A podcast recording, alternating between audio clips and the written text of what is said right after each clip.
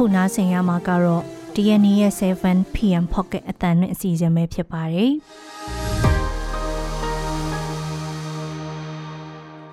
ဒီကနေ့ဖေဖော်ဝါရီလ28ရက်နေ့ရဲ့ Pocket အတန်လွင့်အစီအစဉ်မှာတော့ကိုရီးယားအလုတ်အကင် EPS Topic စာမေးပွဲမှာအမျိုးသမီးတွေဖြည့်ခွင့်ပေးပေမဲ့အလုတ်ခေါ်မခေါ်မသေးကြဘူးဆိုတဲ့အကြောင်း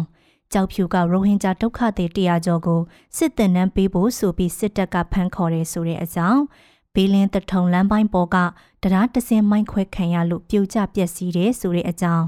စစ်ကောင်စီကရခိုင်နဲ့ဆက်ဆက်နေတဲ့ AR ပင်လယ်ပြင်မှာသွာလာခွင့်ရဲ့အကန့်အသတ်မရှိပိတ်ပင်နေဆိုတဲ့အကြောင်း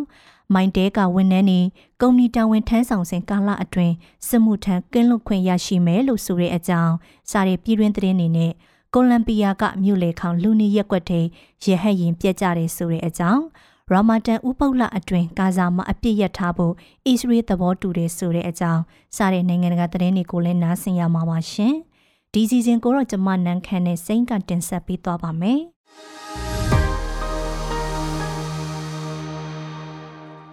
ပထမဆုံးသတင်းတပုတ်အနေနဲ့ကိုရီးယားအလုတ်အကိုင်း EPS Topic စာမေးပွဲမှာအမျိုးသမီးတွေဖြည့်ဆို့ခွင့်ပေးပေမဲ့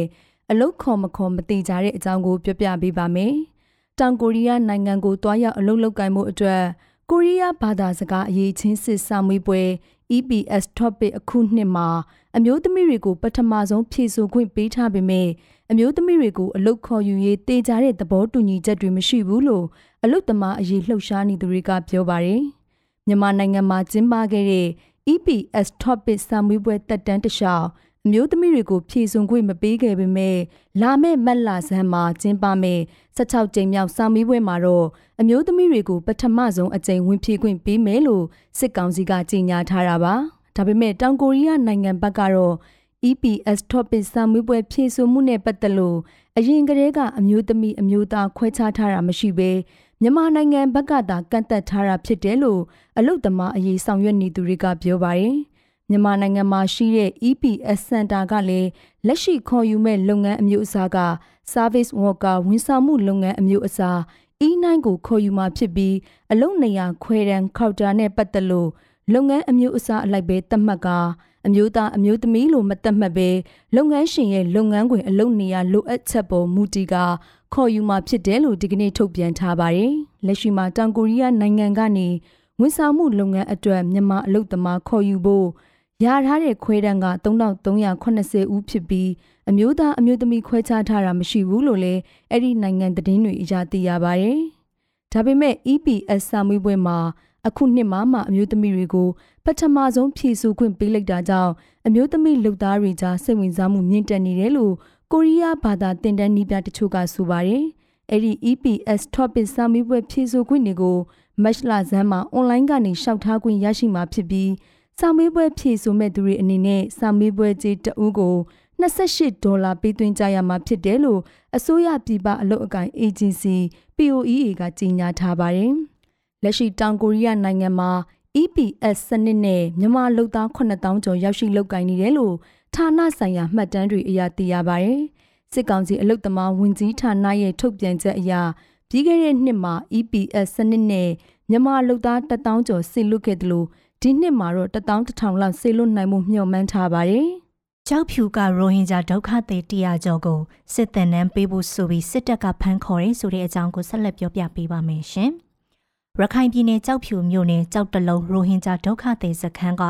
လူငယ်109ဦးကိုစစ်ကောင်စီတပ်ကဒီကနေ့ဖေဖော်ဝါရီလ28ရက်မနက်ပိုင်းမှာစစ်တပ်နှံပေးဖို့ဆိုပြီးဖမ်းဆီးခေါ်ဆောင်သွားတယ်လို့ဒေသခံတွေက DNA ကိုပြောပါတယ်။ စစ်ကောင်စီရဲ့ကြောက်ဖြူအခြေဆိုင်ခမရ9လေးနှစ်ပြူဟာမှုဝင်းနအောင်ဦးဆောင်တဲ့စစ်ကောင်စီတပ်နဲ့ရဲတပ်ဖွဲ့ဝင်20ဝန်းကျင်ဟာမနေ့ကစခန်းမှာရှိတဲ့အသက်18နှစ်ကနေ35နှစ်အတွင်းလူငယ်တွေရဲ့အမိစရင်တွေကိုတောင်းခံကောက်ယူပြီးတဲ့နောက်ဒီကနေ့မှလာရောက်ခေါ်သွားခဲ့တာပါ။စစ်ကောင်စီတပ်ဟာစစ်မှုထမ်းဥပဒေပြဋ္ဌာန်းပြီးကလေးကကြောက်တလုံးဒုက္ခသည်စခန်းကရိုဟင်ဂျာလူငယ်150ကိုစစ်မှုထမ်းဖို့ပေးရမယ်လို့အမည်စရင်တောင်းခံခဲ့ပါတယ်။ အဲဒီနောက်စစ်ကောင်စီတပ်မှစစ်မှုထမ်းရမှာစိုးတာကြောင့်လူငယ်30ကျော်ဟာရခိုင်တပ်တော် AAC ကိုတွားရောက်ခုံလုံခဲ့ကြပါတယ်။အဲဒီလို AAC တွားရောက်ခုံလုံခဲ့တဲ့ရိုဟင်ဂျာလူငယ်တွေရဲ့မိသားစုဝင်တွေကိုလည်းစစ်ကောင်စီတပ်ကဖမ်းဆီးထားပြီးချင်းချောက်တာတွေလုပ်နေတယ်လို့ဆိုပါတယ်။ရခိုင်ပြည်နယ်အပါအဝင်နိုင်ငံအနှံ့မှာမြို့တွေနဲ့တပ်စခန်းတွေဆက်တိုက်သိမ်းပိုက်ခံခဲ့ရတဲ့ တပ်သားဆုံးရှုံးမှုအများအပြားရှိနေတဲ့စစ်ကောင်စီဟာ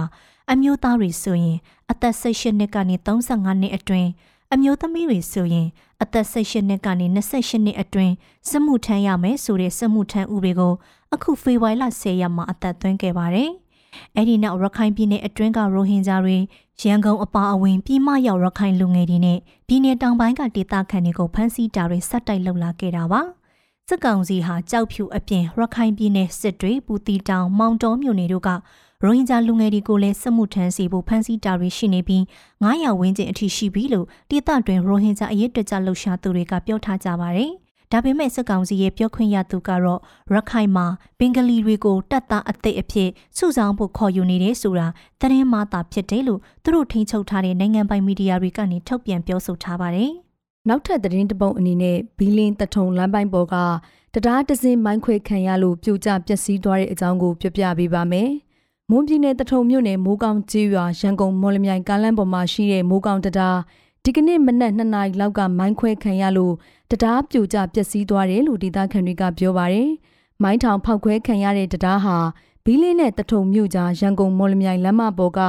အလျား38ပေအကျယ်48ပေရှိတဲ့တရားတစ်စင်းဖြစ်ပါတယ်။ လက်ရှိတရားပြိုကျပျက်စီးသွားတဲ့အတွက်ကားကြီးကားသေးတွေလုံးဝဖြတ်တန်းသွားလာလို့မရတော့ဘဲဘီလင်းဘက်မှာရောတထုံဘက်ချမ်းမှာပါကားအစီးရီရာချီပိတ်မိနေတယ်လို့ရန်ကုန်မော်လမြိုင်ခီးသည်တင်ရင်ပြေးဆွဲနေတဲ့ရှင်မောင်းတဦးကပြောပါတယ်။ဒါပေမဲ့ပိတ်မိနေတဲ့ကားတွေတဲကကားသေးတွေကိုတော့ကင်းမုံချိုကျွေးရအနီးရွာပတ်လန်းကနေတဆင့်ကျွန်းကလေးရွာဘက်ကပတ်သွားခွင့်ပေးထားတယ်လို့ဆိုပါတယ်။ ဒါအပြင်မိုက်ပေါက်ကွဲတဲ့အရှိန်ကပြင်းထန်တာကြောင့်တရားအနီးမှာရှိတဲ့နေအိမ်နှလုံးနဲ့စိုက်ခန်းနှခမ်းမိုင်းစာထိမှန်ပျက်စီးခဲ့တယ်လို့အမျိုးသားတအုပ်လည်းအစထိမှန်ဒဏ်ရာတွေရရှိခဲ့တယ်လို့ဆိုပါတယ်။လက်ရှိပြိုကျပျက်စီးသွားတဲ့မိုးကောင်းတရားကိုဒီကနေ့မနက်10:00နာရီကျော်အထိစစ်ကောင်စီဘက်ကလာရောက်ပြုပြင်တာမျိုးမရှိသေးဘူးလို့ဒေသခံတွေကဆိုကြပါတယ်။အခုမိုင်းခွဲခံရတဲ့မိုးကောင်းတရားနဲ့လေးမိုင်ဝန်းကျင်လောက်အကွာမှာရှိတဲ့ကျုံအိတ်တရားဟာလည်း ပြီးခဲ့တဲ့နှစ်ဇွန်29ရက်ကမိုင်းခွဲခံခဲ့ရပါသေးတယ်။အဲ့ဒီဖောက်ခွဲမှုကတော့စစ်ကောင်စီရဲ့ထောက်ပို့လမ်းကြောင်းကိုဖျက်တောက်ဖို့စ조사တာလို့တွန်လိုင်းအင်အားစုတွေကထုတ်ပြောခဲ့ပါတယ်။ကျုံအိတ်တရားမိုင်းထောင်ဖောက်ခွဲခံရပြီးတဲ့နောက်ထိခိုက်မှုအခြေအနေလားစစ်ဆေးတဲ့စစ်ကောင်စီရဲ့ဌာနဆိုင်ရာဝန်ထမ်းတွေဒရုန်းနဲ့ထပ်ပြီးတိုက်ခိုက်ခံရလို့ခရိုင်လန်းဦးစီးမှုအပါအဝင်9ဦးခန့်တေဆုံးက30နီးပါးထိခိုက်ဒဏ်ရာရရှိခဲ့ပါသေးတယ်။ စစ်ကောင်စီကရခိုင်နဲ့ဆက်ဆက်နေတဲ့ AR ပင်လယ်ပြင်မှာသွာလာခွင့်ရအကန့်အသတ်မရှိပိတ်ပင်နေဆိုတဲ့အကြောင်းကိုပြောပြပေးပါမယ်။ရခိုင်ပြည်နယ်နဲ့ဆက်ဆက်နေတဲ့ AR တိုင်းအနီးပင်လယ်ပြင်အတွင်းစစ်ရေးလေ့ကျင့်မယ်လို့ဆိုပြီးစစ်ကောင်စီကအရက်ဖက်ရေရင်တွေသွားလာခွင့်ရဲအကန့်အသတ်မရှိပိတ်ပင်လိုက်တာကြောင့်အခက်တွေ့နေကြတယ်လို့ဒေသခံတွေက DNA ကိုပြောပါရယ်။ AR တိုင်းအနီးပင်လယ်ပြင်အတွင်းစစ်ရေးလေ့ကျင့်မယ်လို့စစ်ကောင်စီကတရားဝင်ထုတ်ပြန်ကြေညာထားတာမရှိပေမဲ့ဒေသတွင်းမှာတော့စစ်ရေးလေ့ကျင့်မယ်လို့ဆိုပြီးတော့အခုလ25ရက်ကစလို့အဲ့ဒီလိုပိတ်ပင်ထားတာလို့ဆိုပါတယ်။ AR တိုင်းပင်လယ်ကမ်းရိုးတန်းဒေသဖြစ်တဲ့တာပေါင်းရွှေတောင်ရန်ချောင်းသာငွေဆောင်ငရုတ်ကောင်မော်တင်ဟိုင်းကြီးကျွန်းလပုတ္တာတေးတရဲ့ဖျားပုံ အမစတဲ့ဒေသခံတွေဟာအခုလိုအချိန်ကာလမှာကန်နီကန်ဝေငါးဖက်လုပ်ငန်းကိုလုပ်ကင်ကြတာဖြစ်ပါတယ်။လက်ရှိမှာစစ်ကောင်စီကပင်လယ်ပြင်သွားလာခွင့်ပိတ်ပင်လိုက်တာကြောင့်ကန်ယူတန်တရှောင်းနေထိုင်လုပ်ကင်နေကြတဲ့ကန်နီကန်ဝေငါးဖမ်းသူတွေနဲ့ပင်လယ်ရေပြင်ခရီးကနေခရီးသည်နဲ့ကုန်စည်ပို့ဆောင်သူတွေအခက်အခဲဖြစ်နေကြတယ်လို့ဆိုပါတယ်။ ဒီလိုပိတ်ပင်ခဲ့ပြီးတဲ့နောက် ARV တိုင်းအနီးကပင်လယ်ပြင်မှာရှိတဲ့ဟိုင်းကြီးကျွန်းမြို့ပတ်ဝန်းကျင်မှာမနေ့ကအမြောက်ပစ်ခတ်တံတွေကြားရပြီးမြဲပင်လယ်ပြင်သွားလာခွင့်ပိတ်ထားတဲ့တခြားဒေသတွေမှာတော့ပစ်ခတ်တံတွေမကြားရဘူးလို့ ARV တိုင်းပင်လယ်ကမ်းရိုးတန်းအနီးနေထိုင်သူတွေစီကသိရပါဗျ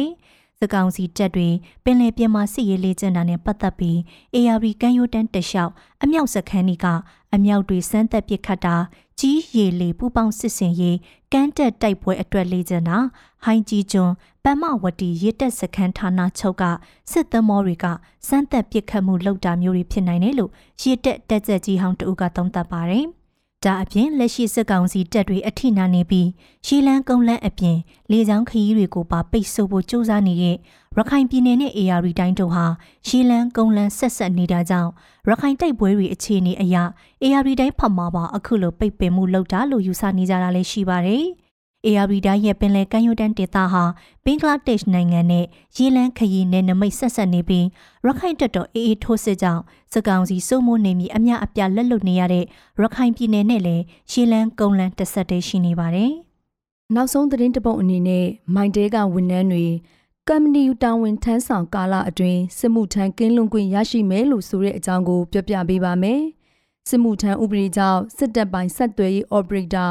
မိုင်းတဲနဲ့မိဖက်ကမ္ပဏီတွေမှာအလုပ်လုပ်နေတဲ့ဝန်ထမ်းတချို့နှုတ်ထွက်မှုတွေရှိလာတဲ့အတွက်ကမ္ပဏီမှာအလုပ်လုပ်နေစဉ်ကာလမှာစစ်မှုထမ်းကင်းလွတ်ခွင့်ပေးဖို့စီစဉ်ထားတယ်လို့ DNA ကစုံစမ်းသိရှိရပါတယ်။စစ်မှုထမ်းဥပဒေကိုအသက်သွင်းပြီးတဲ့နောက်စစ်တပ်ပိုင်းမန်တဲကမ္ပဏီနဲ့မိုင်းတဲလက်အောက်ကမိဖက်ကမ္ပဏီတွေမှာအလုပ်လုပ်နေကြတဲ့ဝန်ထမ်းတရားနီးပါ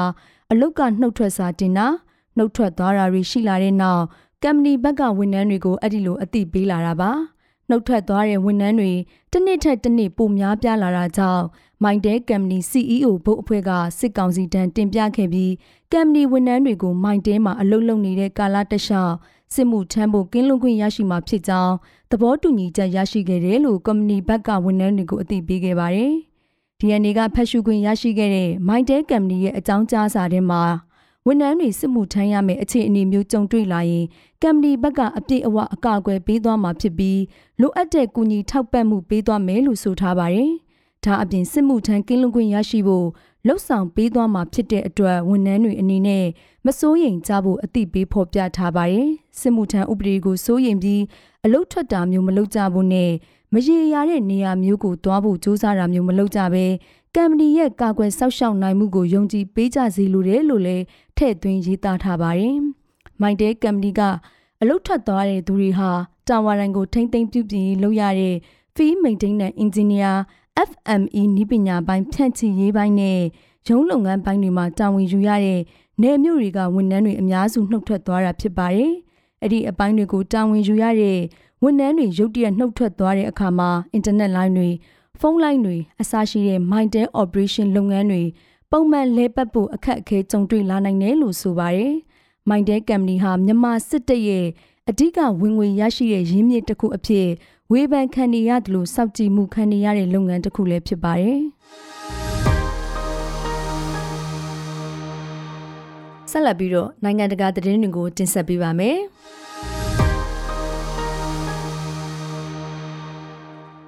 ကိုလံဘီယာနိုင်ငံမှာလူထူထပ်ရာမြို့လေဧရိယာမှာရဟတ်ယာဉ်တစည်းဆက်ချွန်ရင်ပြတ်ကျမှုဖြစ်ပွားခဲ့ပါတယ်။ကဘာလက်ခီးတယ်ရီလိုက်ပါလာတဲ့ရဟတ်ယာဉ်ဟာအဆောက်အအုံအမိုးပေါ်ကနေပြန်တက်သွားပြီးချက်ချင်းလိုလိုပဲစက်ပိုင်းဆိုင်ရာပြဿနာတစ်ခုကြောင့်ချာချာလဲပြီးပြတ်ကျသွားတာဖြစ်ပါတယ်။ရဟတ်ယာဉ်ဟာစားတောက်ဆိုင်နေရန်တစ်ခုကိုဝင်တိုက်မိပြီးတဲ့နောက်အဆောက်အအုံနဲ့ဖုန်းတာဝါရိုင်ကြားမှာစောက်ထိုးအနေထားနဲ့တွဲလောင်းချိတ်လျက်သားဖြစ်နေခဲ့ပါတယ်။ ဖေဖော်ဝါရီ26ရက်နေ့တုန်းကကိုလံဘီယာရဲ့မြို့ကြီးတစ်ခုဖြစ်တဲ့မက်ဒဲလီရဲ့မြို့လယ်ဧရိယာမှာအခုလိုအထိတ်တလန့်အခြေအနေမျိုးကြုံခဲ့တာပါ။ကယ်ဆယ်ရေးတွေကရဟတ်ရင်ထဲမှာပိတ်မိနေသူတွေကိုတတိကြီးကြီးနဲ့ရွှေ့ပြောင်းကယ်ထုတ်ခဲ့ရပြီးကံအားလျော်စွာပဲလိုက်ပါသွားသူ6ဦးစလုံးအသေးအပြောက်မရှိခဲ့ပါဘူး။ရဟတ်ရင်ပိုင်းလောကတော့ခြေထောက်ကျိုးသွားလို့ဆေးရုံကိုအရေးပေါ်တင်ပို့ခဲ့ရပါတယ်။ ရဟတ်ရင်ပြတ်ကျသွားပုံကိုအနီးမှာရှိတဲ့အဆောင်အုံတစ်ခုပေါ်ကမျက်မြင်တဦးကဖုန်းကင်မရာနဲ့မှတ်တမ်းတင်ထားနိုင်ခဲ့ပါတယ်။ကယ်ဆယ်ရေးလုပ်ငန်းတွေကိုဝန်ထမ်း80လောက်နဲ့ဆောင်ရွက်ခဲ့ရပြီးအခင်းဖြစ်ရာဧရိယာတဝိုက်ကလမ်းတွေကိုလည်းယာယီပိတ်ခဲ့ရပါတယ်။ဘဲတူအိုစစ်အမျိုးအစားရဟတ်ရင်ပြတ်ကျခဲ့တဲ့ဖြစ်စဉ်မှာဘလို့ချွေရွေးမှုမျိုးကြုံခဲ့တယ်လဲဆိုတာကိုလည်းဆက်လက်စုံစမ်းနေစေလို့သိရပါတယ်။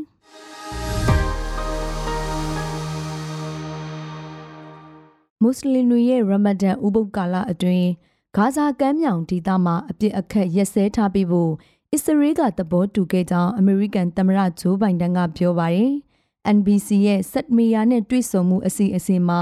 ဘိုင်ဒန်ကသူ့အနေနဲ့မတ်လ၄ရက်နေ့လောက်ကစပြီးဂါဇာမှာအပြစ်ရဲ့သဘောတူညီမှုစတင်နိုင်မှုမျှော်လင့်ထားကြောင်းမှတ်ချက်ပေးသွားခဲ့ပါတယ်။ရမဒန်ဥပုပ်ကာလဟာအခုနှစ်မှာတော့မတ်လ10ရက်နေ့မှာစတင်မှာဖြစ်ပါတယ်။ ပြီးခဲ့တဲ့သတင်းပတ်တုန်းကပြင်သစ်နိုင်ငံပါရီမြို့မှာ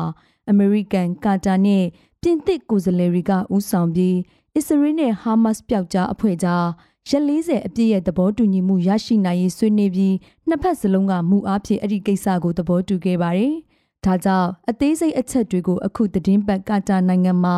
ဆက်လက်ဆွေးနွေးတယ်လို့ဘိုင်ဒန်ကပြောပါတယ်။နီးစပ်သူတွေရဲ့အဆိုအရဟာမတ်တွေကဖမ်းဆီးထားတဲ့အစ္စရေးတစားကန်တွေကို အကုံအစင်မဟုတ်ပေမဲ့တော်တော်များများပြန်လွှတ်ပေးဖို့သဘောတူခဲ့တယ်လို့သိရပါတယ်။အစ္စရေးဘက်ကလည်းပါလက်စတိုင်းအကျဉ်းသားရာဂနန်းလောက်ကိုလွှတ်ပေးဖို့လူနေထူထပ်တဲ့နေရာတွေကနေတက်တွေရုပ်သိမ်းပေးဖို့နဲ့ဂါဇာကိုထောက်ပံ့ရေးပစ္စည်းတွေပုံမှုတင်သွင်းခွင့်ပေးဖို့လက်ခံခဲ့ပါတယ်။ဒါပေမဲ့ဟာမတ်တွေတောင်းဆိုထားတဲ့ဂါဇာစစ်ပွဲအပြီးတိုင်ရက်စဲပေးဖို့ဆိုတဲ့အဆင့်ထိကတော့အစ္စရေးကလက်ခံလိုက်ရောမှုမရှိခဲ့ဘူးလို့ညှိနှိုင်းမှုနဲ့နှိစက်သူတွေကမှတ်ချက်ပေးထားပါတယ်။ ဒါကြောင့်အပြည့်ရဲ့ကာလအပြီးမှာ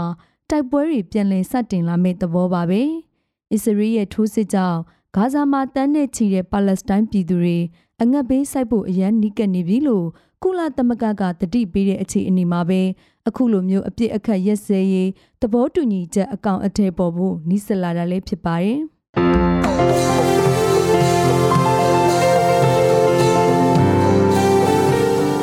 DNA ရဲ့ 7pm pocket အတန်လွင့်အစီအစဉ်ကိုအပတ်စဉ်တနင်္လာနေ့ကနေတောက်ကြနေ့အထိည9:00နာရီတိုင်းမှာတင်ဆက်ပေးသွားပါမယ်။ဒီစီစဉ်ကို Anchor, Spotify တို့မှာနားဆင်နိုင်သလို DNA ရဲ့ YouTube Channel မှာလည်းဝင်ရောက်နားဆင်နိုင်ပါတယ်ရှင်။